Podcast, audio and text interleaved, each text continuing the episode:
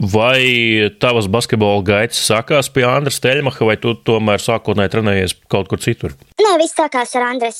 Jā, mans vienīgais un pirmais un pēdējais treneris, bet jā, visu laiku notrenējos tikai pie Andra. Nu, acīm redzot, tie bija kaut kādi 6, 7 gadi, jā, pirmā klase. Nē, es biju vēlāk tām meitenēm pievienojos, jo tur arī vispār diezgan tāds interesants stāsts. Es pievienojos nedaudz vēlāk tām meitenēm. Bet uh, pat cik es tikai pazinu tur tās savas klases biedrenes, viņš man, uh, tad, kad es atnācu uz pirmo treniņu, es biju, nu, pirmo treniņu es tā kā no malas novēroju, vai tā kā man tas interesēta, vai es gribētu trenēties. Un, un skaidrs, ka es gribēju, jo man tajā laikā interesēja basketbols un gribējās kaut ko arī darīt. Un man arī meitenes aicināja, nu, pēc cik bija mans klases biedrenes, tas bija diezgan gāri, un tā viņš teica, nāc, būs forši. Un tad atceros, ka viņš man pēc tā pirmā treniņa pasauca kā, savā kabinetā, un uh, viņš man paprasīja, kā man šķiet, kā, kurā meitene no, nu, tā, kaut kas, kad es novērošu treniņu, kura man meitene šķiet, kur kā, šeit vislabāk spēlē. Un uh, cik es tikai pazinu tur vienu to savu biedru, tad es viņu nosaucu. Un viņš man tāds, nē, nē, ka man tā kā turpmāk ir jāvēro un jāmācās tad, uh, no šīs uh, rakstā minētās Delfos uh, zānes, ka man ir jāmācās um, no viņas. Un man bija tāds, ka man likās ļoti dīvaini, ka man ir jāvēro tieši tā viena konkrētā meitene, bet man bija tas labi, ja reiz viņš tā saka, tad, tad man arī ir jāpievērš uzmanība. Tā kā tas bija varbūt tāds pirmais moments, kad es tagad pieaugu, man bija tāds, ok, viņš man jau tajā laikā lika vērot šo meiteni. Tad arī viņš, acīm redzot, viņu vēroja ciešāk nekā cits audzēknis jau to brīdi. Un tas bija, cik jums bija gada apmēram tad? Uh, man liekas, man bija 11 vai 12. Man tas viss periods tagad ir tik ļoti kā, kopā. Tas vecums no 11 līdz 14 gadiem man ir tas viens, bet man liekas, man bija 12 vai 11. Kā treneris Stelmaks uzvedās tobrīd tajos 12, kad tu sāki treniņos, kāds viņš bija? Nu, tāds um, treneris kā treneris, vai tad jau varēja pamanīt kaut kādas ārpuskārtas iezīmes viņa darbībās? Viņš bija tāds, ka meitene to brīdināja, ka viņš daudz bļaujot. Un man nu, kliedz virsū. Man tas likās, ne, nu, labi, trenerim varbūt tā ir jādara, bet, nu, nu kliedz viņš tiešām, nu, teiksim tā, varbūt, ja kādai ir kaut kāds, tas viņa kliekšana varēja aizskat, tas ir skaidrs. Un, ja kādā to uztver kaut kā saīsināt, tad tas tiešām var palikt traumatiski. Vienīgais, ko es tajā laikā ievēroju, bija tiešām tā kliekšana, bet uh, neko citu. Līdz tam tālāk atgadījumam, neko citu es tādu ārkārtēju neievēroju. Varbūt vienīgais tas, ka viņš tiešām varbūt pievērš uzmanību konkrēti tieši tai vienai konkrētai meitenei, un varbūt tie viņa izteicieni, ka man ir jāievēro tur sīkāk viņa viņa un jāmācās no viņas. Tas varbūt bija tāds vienīgais, bet es tajā laikā vispār to nesavilku kopā. Man liekas, labi, ja viņš tā saka, tad tā ir jādara. Bet neko citu tā nevar. Neko citu es tā nenovēroju. Arī tam īsti nepievērst uzmanību. Varbūt tikai pēc tā tālāka atgadījuma, tad, tad varbūt tas viss sāk tā vairāk likt ārā, bet līdz tam īsti nevarēja ievērot. Viņš vienkārši skaļi bļāva, norādīja uz kļūdām, vai viņš arī, nu, nezinu, kaut kā ar vārdiem aizskāra, varbūt izmantoja kādus tādus pārliekus pjokts epitētus jūsu virzienā, kā tev šķiet. Vienīgais, kas man tā palicis atmiņā, ir varbūt, ka viņš tur saka, ka tu tur esi zemes gabalu nopirkus, ka tu tur stāvi, bet viņš tur varēja bumbu tā spēcīgi sist pret, nu, tā pret zemi, tad viņi tā spēcīgi atcitās un tad ļāva virsū, bet um, konkrēti kaut kāds tāds aizskarošs vārds es neatceros, bet vienkārši tikai to, ka tā kliekšana bija, jā, tāda diezgan spēcīga. Kas it kā nebūtu nekas tāds, nu, tas arī nav pārāk normāli, bet tas nav tāds ārpuskārs. Lai gan tagad mūsdienās par to domājot, tas, tas būtu jāaktualizē par to, ka tā kliekšana patiesībā nav laka. Nu, nu, kā, tu vari uzkliegt, bet man šķiet, ka ir, nu, nu, bērniem tas ir diezgan saīsināt to uztvert. Nu, tas būtu tikai jāaktualizē. MVP rakstā arī aprakstīts daudz, jā, šis tevis jau pieminētais Tallinga brauciens. Kas tas bija par braucienu vispār? Mēs braucām Zviedrijā uz Lambi Challenge turnīru. Tas bija ļoti foršs turnīrs, man ļoti patīk. Mēs tur Es konkrēti braucu divus gadus pēc kārtas. Nedēļu man šķiet, viņš pat, vai pat ne, ne gluži nedēļu, bet diezgan ilgi mēs tur pavadījām. Varbūt tas bija kāds piecas dienas, ne nedēļa. Bet jā, diezgan, diezgan foršs turnīrs. Parasti viņš bija pavasara beigās, tāds noslēgums uz skolas noslēgumu. Tieši vienmēr bija tā forša ar komandu aizbraukt tādā mazā turnīriņā, kurš tā kā tāds arī mini ceļojums un forši bija. Nu jā, un tad, eh, protams, šis jau rakstā aprakstītais gadījums, kā arī tu to definēji, gadījums, eh, kā tu tieši to atceries, un, un kas vispār nu, tavā atmiņā ir, saka, palicis no tā, un, un, un nu, kā tu to atceries savām acīm? Es uh, neatceros, kāpēc, bet mēs ar trīs manām komandas biedriem sēdējām uz trepēm. es tiešām nezinu, kā mēs līdz tam trepēm nonācām, bet atceros, ka mēs sēdējām uz trepēm. Un mums bija arī labas attiecības. Ar, mēs braucām vēl tur citas komandas. Man šķiet, ka tā bija Liepāja, Liepājas meitenes, bija vēl no Rīdzenes puikas un Rīdzenes meitenes. Un mēs sākām sēdēt trīs manas komandas, vienas mums pievienojās tās no citām komandām meitenes. Un kaut ko mēs tur vienkārši sēdējām. Un pēkšņi es vienkārši redzu tajā stūrī, tur sanāk tāds kā stūris pie tām trepēm bija, ka tur ir mūsu treneris un tā meitene. Treneris, nu, Andris vienkārši viņai kaut ko tur uzvācās un izskatījās, ka viņi tā kā skūpstās. Un tā arī bija. Un, un mēs vienkārši sēdējām un uz to noskatījāmies. Kāpēc mēs neko nedarījām, es nezinu, bet es zinu, ka kāds aizskrēja uz gaiteni un sāka teikt par to, kas tur notiek. Un tad arī sanāca visi un aizvērt. Un pēc tam mēs vienkārši neko nesapratām. Es biju apmulsus, visi bija apmulsuši un neviens neko nesaprata. Un tad, jā, tad tajā nākamajā dienā Andris mūs sasauca savā kaitē un tad arī paskaidroja, kāpēc viņš tā rīkojies. Tad tur tie teksti par to, ka tā pasaulē var notikt, ka divi cilvēki iemīlās, kaut kas uz to pusi bija, un viņš mums tā kā paskaidroja to situāciju. Man bija tāds, nu labi, viņš paskaidroja, un tad varbūt viss ir kārtībā. Tad tas ir tas, ko es atceros. Kā kurai 13, 14, jā, apmēram tas vecums. Tas nozīmē, ka pūlis, tas, kurš saskrēja, tas viņus izšķīra. Ja? Jā, bet mums nebija pūles, bet vienmēr brauca līdzi Andrim vēl kāds, nu, kā viņš un kāds viņa draugs. Un man liekas, ka, man liekas, ka atnāca kāds no viņa draugiem, un tad viņu arī aizvāca. Vai arī atnāca kāds, es tagad, ne, bet kāds atnāca, jo brauc arī treneri, viņš vai nu kā treneri, vai nu tas viņa draugs atnāca, un viņu tad arī aizvāca uz to kajīti. Man šķiet, ka tā bija. Un pēc tam es viņu vairs neredzēju tajā vakarā, tikai nākamajā dienā, kad viņš mūs visus tajā kajītē sasauca. Tu teici, bija citas komandas, arī, tad arī citi treneri. Tas bija kaut kāds sarunu temats par notikušo. Jā, un tad, tad, tad arī tad es atceros, ka mēs sēdējām uz trepēm, bet es vairs neatceros, ko mēs turpinājām tur sēdēt. Bet es tiešām vairs neatceros, ko mēs tur varējām runāt. Vai... Jā, to, to, es zinu, ka mēs sēdējām, bijām sagās iecinušies, bet ko mēs vairs runājām, diemžēl neatcerēšos, jo tas jau desmit gadus atpakaļ notika. Tas ir ceļā mājās no Stokholmas vai uz Stokholmu? Jā, tas ir ceļā uz mājām. Jā, tas ir ceļā uz mājām. Tad jūs atbraucat, un tālākais treniņu process notiek tā kā ierasts, it kā nekas nebūtu bijis. Es zinu, ka laikam bija kaut kāda vecāka sapulce par to, jo es pieņemu, ka Andris vienkārši tāpat kā mums vecākiem paskaidroja, kādēļ viņš tā ir rīkojies. Jo manā mamma arī nelabprāt visu šo atcerās. Viņai, nu, teiksim, tā mammai tas arī ir diezgan tā, traumatiski tā pieredze. Un, uh, bet tā lielam tā arī, jā, mēs turpinājām, mums pat bija nometnes. Un, Tikai tad bija tā nākamā nometne, kurā arī uh, izņēma no tās nometnes, tad arī jā, Jā, tad arī mūsu komanda sāka jukt un brukt, un tur meitenes sāka iet prom. Bet nu, tas ir tāds, varbūt, stāsts citām reizēm. Vai nu, tad arī tālākajā, nu, pirms mm, šī meitene jau minētā, mm, kur ir vistiešāk iesaistītā puse šajā visā, tika izņemta un, uh, un pārcelt uz citu sporta skolu, Andris kaut kā viņai īpašu uzmanību izrādīja ikdienā, vai, vai nē, vai tas nebija tā, ka tas bija acīm redzams? Nebija vairs. Viņš pat pēc tam, kad viņu izņēma ārā no nometnes, viņš pat vairs nerunāja par viņu. Mums bija pat spēles pret viņu uh, vispār. Nu, nebija ne, neviena vārda par viņu, neko viņš uh, jā, ne, ne, necentās vairs par viņu runāt. Un, es arī ar viņu, tas, kā viņu izņēma no šīs uh, nometnes, izņēma no visas komandas, mums uzreiz pazuda kontakts ar viņu. Pilnīgi tā, kā mēs tur nocenējāmies kopā ar foršas atmiņas, tad vienā dienā kā ar nēs nogrieztas, un it kā tas cilvēks ir pilnībā svešs mums. Un Andris aizliedz arī ar viņu sveicināties, ja? To viņš gluži mums tā neteica, bet uh, mēs vienkārši paši ar viņu nerunājām. Principā, jo es nezinu, varbūt mums iekšā bija kaut kāds kauns, kaut kāda apziņa par to, ka mēs neko ne, nezinām, bet mēs tiešām ar viņu pat nerunājām. Viņš mums neko tādu neteica, bet mēs vienkārši paši ar viņu nerunājām. Bet nesazinājāmies neko. Nu, un tev ar viņu pašu kontakts ir bijis vēl pēc tam, tagad kaut kad uh, nākotnē, pēc tam, kad viņi tika pārcelt uz citu sporta skolu? Nē, nē, nē nebija tikai, bet, kad mums varbūt uh, tikai nesen kaut kad mēs tur pilngadīgs varbūt palikām, un tad varbūt kaut ko varējām vienotras dzimšanas dienā apsveikt, bet uh, tā kontakts vispār nebija. Tagad viņš ir atkal atjaunojies diezgan spēcīgi. To, kas notika tālāk ar šo meiteni, ar Andri, viņa attiecībām, tev īsti nav arī nojausmas. Ja? Uh, nē, es atceros, ka vienu mēs nometnē bija, es džūkstēs šķiet tas bija, un tad viena mana komandas biedrene atrada Andra planšeti, un tajā planšetē bija saraksta ar šo meiteni, kad viņa, un mums bija tāds, tad, tad, viņi, tad mēs uzzinājām, ka viņi turpina kontaktu, bet uh, vairāk mēs neko nezinājām, mēs tikai redzējām, ka tajā planšetē bija tās sarakstas, un tas bija arī viss, un tad, nu, mēs viņiem pat neko nejautājām, bet mēs tad sapratām, ka viņ, viņiem abiem vēl joprojām ir kontakts, ka kaut kas tur notiek, un tad, nu, tad, tad mēs pēc, ka viņiem palika 18, tad mēs uzzinājām, ka jā, ka viņiem to visu laiku bija kontakts, jo viņi atkal 18 gados pēkšņi atkal parādās, ka abi divi ir kopā attiecībās. Tad skaidrs, ka viņam līdz tam tas konteksts tika uzturēts, bet viņš mums neko pats par to nestāstīja. Kaut kāda nojausma par uh, kaut ko vairāk nekā tikai skūpstīšanos, varbūt intīmām attiecībām uh, jums nu, ne, nebija? Nē, nebija, nebija, nebija. Tikai varbūt viņa pati to var uh, pastāstīt, bet viss, ko mēs tikai redzējām, bija tā skūpstīšanās. Tālākais trenera, kā saka, uzvedības modelis pēc tā notikuma kaut kā mainās. Tur rakstā bija minēta arī šī treniņu vadīšana, iespējama alkohola reibumā vai alkohola lietošana, kaut ko tādu Jūs redze, redzējāt, nojautāt? Viņš mūsu klātbūtnē, piemēram, treniņa procesa laikā, nekad es neredzēju, to, to, tas noteikti nebija, bet tas, ka viņam patika iedzert turnīra laikos, tas ir diezgan skaidrs. Un vai tas, ka viņš, piemēram, atnāk uz treniņu ar saules brillēm un nedaudz osti pēc tā, kad viņš ir iepriekšējā vakarā lietojis alkoholu, tas, tas bija skaidrs, bet, nu, treniņa procesa laikā es personīgi neredzēju un arī īsti nevarēju, nu, pieņemu, ka viņš treniņa procesa laikā nebija dzēris, bet tas, ka viņam patika ārpus, tas ir, jā, diezgan skaidrs, vai turnīra laikā tas, tas, ir, tas ir noteikti skaidrs. Bet tā audzēkņus tā īsti izņemot to, ka viņš varbūt nebija tāds omulīgākais vai neizskatījās vislabāk, kā varēja izskatīties. Citādi tas jūs neietekmē nekā, ja? Nē, nē.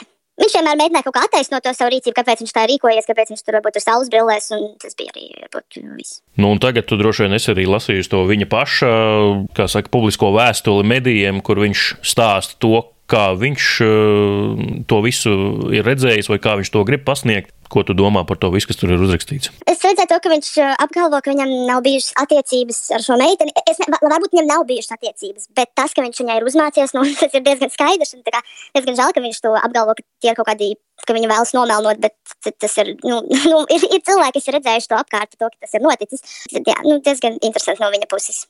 Ne, viņš arī apgalvo, ka viņš vienmēr darīs visu pēc labākās sirdsapziņas. Nu, varbūt tam es arī varu piekrist, ka viņš ir, nu, ka viņam tas basketbols bija viss, ka viņam ne, varbūt nebija ārpus tā ģimene, un principā tā ģimene, mēs bijām meitenes viņam kā ģimene, un līdz ar to tāpēc varbūt viņš bija tā diezgan iekšā, nu, mūsu trenējot, tas, ka viņš labs treneris, nu, no basketbola viedokļa, tam es varbūt varu piekrist rakstā, bet tas, ka viņš apgalvo par to, ka viņš nav iesaistījies attiecībās tikai tad, kad viņa palika pilngadīga, nu, tie, tie, tie gan ir meli.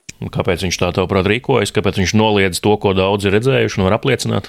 Mm, es varbūt viņam ir kauns vai grūti izskaidrot. Viņam, varbūt viņam ir kaut kāda vainas apziņa, tāpēc viņš mēģina to noliekt. Jo, kad cilvēkam ir vainas apziņa, viņš mēģina noliekt to, kas nav bijis. Bet, nu, tas ir nu, nu, nu, šeit, es nezinu, kā viņam no šejienes izsprūst, bet ir pārāk daudz liecinieki tam, ka, ka viņš ir rīkojies to, ka viņa ir bijusi nepilngadīga un viņš neir uzmācies. Atgriežoties vēl drusku pie tā tālruņa brauciena, tas tiešām izskatījās, ka no viņa puses tāds, nu, tāda uzmākšanās, vai nu, šķita no malas, ka varbūt abi to vēlas. Viņš bija noteikti alkohola reibumā, kas ir noteikti arī simtprocentīgi. Cilvēks alkohola reibumā dara stulbas lietas. Un es vienkārši pieņemu, ka uh, viņš bija kā, kā līdz tam nonāca, tas man tiešām bija ļoti labs jautājums. Bet nu, es pieņemu, ka viņš bija jāsmag alkohola reibumā, un tāpēc arī tā arī rīkojās.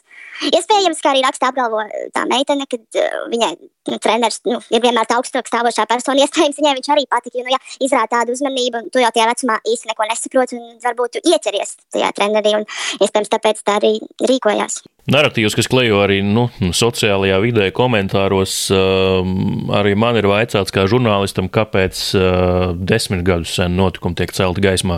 Un kāpēc tikai tagad par to tiek runāts, uh, bet, uh, manuprāt, nu, par to ir jārunā kaut vai tie būtu 60 gadus sen notikumi. Tas tomēr ir klaišs likuma pārkāpums, krimināla likuma pārkāpums turklāt vēl. Kā tev šķiet, ir pareizi tagad par to runāt? Noteikti tas ir noteikti jārunā, un kāpēc es runāju, man pilnīgi vienalga, kas ar to Andru notiks, lai viņš dzīvo tur savu dzīvi dzīve, bet es runāju tikai tāpēc, ka es nu, simtprocentīgi nu, pārliecināta, ka mūsu bas Latvijas basketbola savienībā, visā šajā ģimenē basketbola notiek šādas lietas. Un es runāju tikai tāpēc, ka es varbūt kāds meitenes ieklausīsies un būs gatavs runāt, jo šādi noziegumi, nu, kā redzam Latvijā, pēc tā kā tapa šis raksts par Andru, ir jau bijuši trīs ziņas par kaut kādiem pedofīlijas skandāliem, par to, kā šī sieviete jākapeli ir nogalināta. Par to ir jārunā, un tas ir jāceļ augstākā līmenī Latvijas politikā, jātaisa likumi, jāskatās, jo, jo tas tā nevar palikt, jo nu, nu, nu, tie ir ļoti smagi noziegumi. Un es runāju tikai tāpēc, ka lai iedrošinātu citas meitenes runāt. Un, Un uh, varbūt ir pat jātaisa kaut kādi kursi basketbola treneriem, nu, vispār treneriem par, par psiholoģijas testiem. Nu, nu, šo, par šo ir jārunā noteikti. Nē, šis nevar palikt noklusēti. Tu tagad, kā pieaugušais, vari izskaidrot, kāpēc nu, jūs toreiz nerunājāt par to skaļāk, vai jūsu vecāki varbūt? Personīgi es, eh, kad runāju ar saviem arī komandas biedriem, tagad mums tas vienkārši šķita nekas īpašs. Vai, jo viņš vienmēr, viņam patika vienmēr paskaidrot savu rīcību. Ja viņš kaut ko izdarīja, viņš paskaidroja, kāpēc viņš tā rīkojās. Un, ja viņš man paskaidro, kāpēc viņš tā rīkojas, nu, tad tas taču tagad neiešu mamai nestāstīšu, kad, zinu, māma, es tur redzēju, kā Andris bučojās ar manu komandas biedreni. Vai arī viņam vienmēr jāpatika visu paskaidrot, vai arī es atceros vienu momentu bija zvejnieks svētki, un viņš nākamajā dienā atnāca uz treniņu ar sasistu seju. Un, uh, es atceros, ka viņš vienkārši mums paskaidroja to, ka viņš tur aizspēlēja basketbolu un, un, un tur savainojas. Lai gan nu, tas acīm redzam, ka tā trauma nebija no basketbola. Kad visticamāk, nezinu, vai tur kāds sakāvēs vai ko. Bet viņš mums to visu paskaidroja, es taču tagad neiešu mammai un nestāstīšu, ka, zinu, treneris tur tādu jokainu seju atnāca mums uz treniņu. Viņš mums tur paskaidroja. Un tā es arī to visu noklusēju. Nu, man arī tas nešķita nekas tāds. Jo 13 gados jau īsti neko nevaru saprast tādu, vai tur kaut kāda mīlestība, vai tas nav normāli. Mēs jau 13 gados tikai izzinām to pasauli.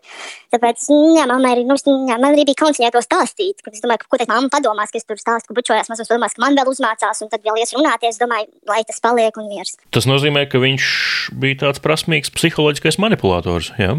Jā, jā tagad, tagad pieaugot, tas ir īsts manipulators. Jo es arī atcerējos to, ka viņam bieži patika raudāt mūsu klātbūtnē. Nu, es atceros kāds moments, ka viņš vienkārši raudājis mūsu klātbūtnē. Par kaut kādu nezinu, kaut kur mēs lidojām uz turnīru, viņš vienkārši lidostā sāka raudāt par to, ka viņam, nu, viņam ir tāds prieks, ka mēs tagad pirmo reizi varam aizlidot uz turnīru ar lidmašīnu. Nu, viņam, jā, vai kaut kāds jauks notikums, un viņam patika raudāt. Nu, likās tāds emocionāls, bet iespējams, tagad saprotot, varbūt tas ir bijis kaut kāds tāds manipulatorīgs gājiens. Vai jums arī tika dāvāta lopu balzām un sporta krūšturi? Jā, bet uh, man tajā laikā tas šķita pilnīgi normāli. Nu, kāpēc gan, lai treneris varētu mums uzdāvināt tur sporta krūšu, tur, jo tā, ir patiesībā daļa no mūsu formas, un tie sporta krūši tur vēl bija tikai stiliz, stilizēti, tur bija virsū rakstīts jūrmala, vienam tur bija mūsu, nu, katrs meitenes kā komandas, nu, kā, kādu numuru viņi spēlē. Un tajā laikā man tas tiešām šķita pilnīgi normāli, nu, kāpēc gan, lai treneris neuzdāvinātu mums kaut ko, kas ir daļa no sporta formas? Tie varēja būt tie, ko viņš pamatoja, kad mamma ir izšūs viņa māmai. Ja? Jā, bet, man bija šuvēta. Tie noteikti arī, man liekas, kad arī bija darināti, nu, mammas, jā. Un uh, tie lūbalzām arī, nu, kāpēc, gan, jo tie lūbalzām tikko sāk palikt populāri, un uh, kāpēc, gan, lai treneris negribētu mums uzdāvināt, ja, nu, jauka dāvana. Bet uh, tagad, kad es parunāju, nu, man tas arī, kad es pieaugu, es, nu, tas nešķiet, nu, nekas tāds. Nu, es esmu vienkārši, es godīgi sakot, tagad esmu apjukusi, jo es esmu runājis ar citiem, man ir vēl projām labs kontakts ar citām komandas meitenēm tur no Daugavpils un Liepājs, un es esmu runājis ar viņām, prasījis, ko vai jums treneri arī mēdz dāvināt tur dāvanas, sporta kruštus, viņām ir tāds, tu, tu, tu galīgi traki, nekad dzīvē nekas tāds mums nav dāvināts. Un tad es tā padomāju, es domāju, bet, bet varbūt tiešām, kāpēc, ka, nu, it kā tam ir paskaidrojums, bet no otras puses, kāpēc, treneris kaut ko tādu dāvinātu, kas ir diezgan intīms, un vēl vairāk zinot, ka, ka, ka viņam ir bijušas kaut kāds noslēdzis mazākām meitenēm, tas varbūt tā uzdod jautājumu, nu, cik tas ir bijis ētiski un vai tas ir bijis nepieciešams, īpaši, ja mums ir tie 13, 14 gadi. Nu, šeit ir no tādām divām pusēm tas jautājums skatīts, bet patiesi esmu apjukuši šajā jautājumā, pat es vairs nesaprotu, vai tas ir bijis normāli vai nav bijis normāli. Man jau tās meitenes no citām komandām apgalvo, ka nu, tas nav īsti pareizi. Jā, šeit ir tas jautājums no divām pusēm, ko var skatīt. Tas, kā pats treneris to kontekstu paplašināja, ka esat bijuši arī citas dāvanas, zeķis, mugursomas, tā tālāk. Tādas bija. Ja? Jā, jā, jā nu, tas arī ir kā, nu, daļa no kā, vajadzīgā, kas tie sportā ir vajadzīgs.